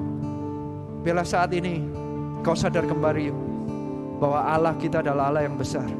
Dia begitu besar saat dia menjamah engkau, segala kuasanya itu akan melumpah, menumpah, berlimpah keluar daripadamu. Saya rindu setiap orang menerima Jaman Roh Kudus begitu melimpah-limpah. Yang muncul adalah sukacita, yang muncul adalah penyembahan di dalam roh. Kami rindu kekuatan Allah, sejahtera daripada Allah, damai sejahtera dari Allah itu ditumpahkan begitu luar biasa sampai melimpah-limpah di dalam hatimu. Allah yang begitu besar, Allah yang hidup itu menjamah setiap orang yang ada di tempat ini maupun yang ada di setiap orang yang di CG online di live streaming saat ini. Jamah setiap orang di tempat ini Tuhan. Terima kasih Tuhan, kami berdoa. Keluarkan kami dari segala pencobaan ini. Selama kami mengalami ini, kami biar kami tetap kuat. Kami berdoa, luputkan setiap kami daripada sakit penyakit. Kuatkan kami semua Tuhan. Kami berdoa biar negara kami cepat diluputkan dari tempat ini Tuhan. Dari COVID-19 ini Tuhan, biarlah Engkau kuatkan setiap kami. Keluarkan kami semuanya dengan cepat Tuhan. Di dalam nama Tuhan Yesus Kristus. Kami mengucap syukur Tuhan. Bahwa di tengah-tengah pencobaan ini pun Engkau tetap Allah yang hidup. Engkau yang memegang masa depan kami. Oleh karena itu kami tenang. Terimalah damai sejahtera daripada Allah Bapa, Allah Putra, Allah Roh Kudus. Allah besar, Allah yang kuat itu. Bila selalu menyertai engkau dan menguatkan engkau di dalam segala pencobaan ini. Sehingga kami semua keluar dengan hati iman yang sudah dimurnikan. Proven faith. Biar kami terbukti bahwa kami akan tunduk hanya kepadamu saja. Terimalah berkat ini hanya di dalam nama Tuhan Yesus Kristus. Semua yang percaya katakan amin. Saya mau berikan pengumuman. Saya rindu kalian semua tetap join lagi minggu depan. Minggu depan kita rindu untuk mengadakan tanya jawab karena saya rindu kita ini bukan cuma satu arah dari kami. So, hari ini saya mau umumkan bahwa kita ada tempat di mana kalian bisa mengirimkan pertanyaan. Nanti kami akan seleksi yang saya nggak bisa jawab semua pertanyaan tentunya, tapi beberapa pertanyaan yang kami bisa tanya dan kami percaya nanti akan menguatkan banyak yang lain. Nanti akan kami jawab di di, di salah nanti di akhir dari khotbah. Jadi yang mau ada pertanyaan silakan nanti itu di, di nanti di screen akan muncul ya. Itu di bit.ly tanya jawab CG nanti di description juga akan uh, dituliskan supaya nanti anda uh, nanti di situ ada uh, contoh pertanyaannya nanti kami akan mencoba. Jadi minggu depan akan ada uh, tanya jawab jawab tanya jawab. Oke? Okay? So saya terima kasih mengucap syukur pada semua. Jadi kita akan bersama-sama menyapa mereka, oke? Okay? Satu, dua, tiga. We love you 5000. See you next week.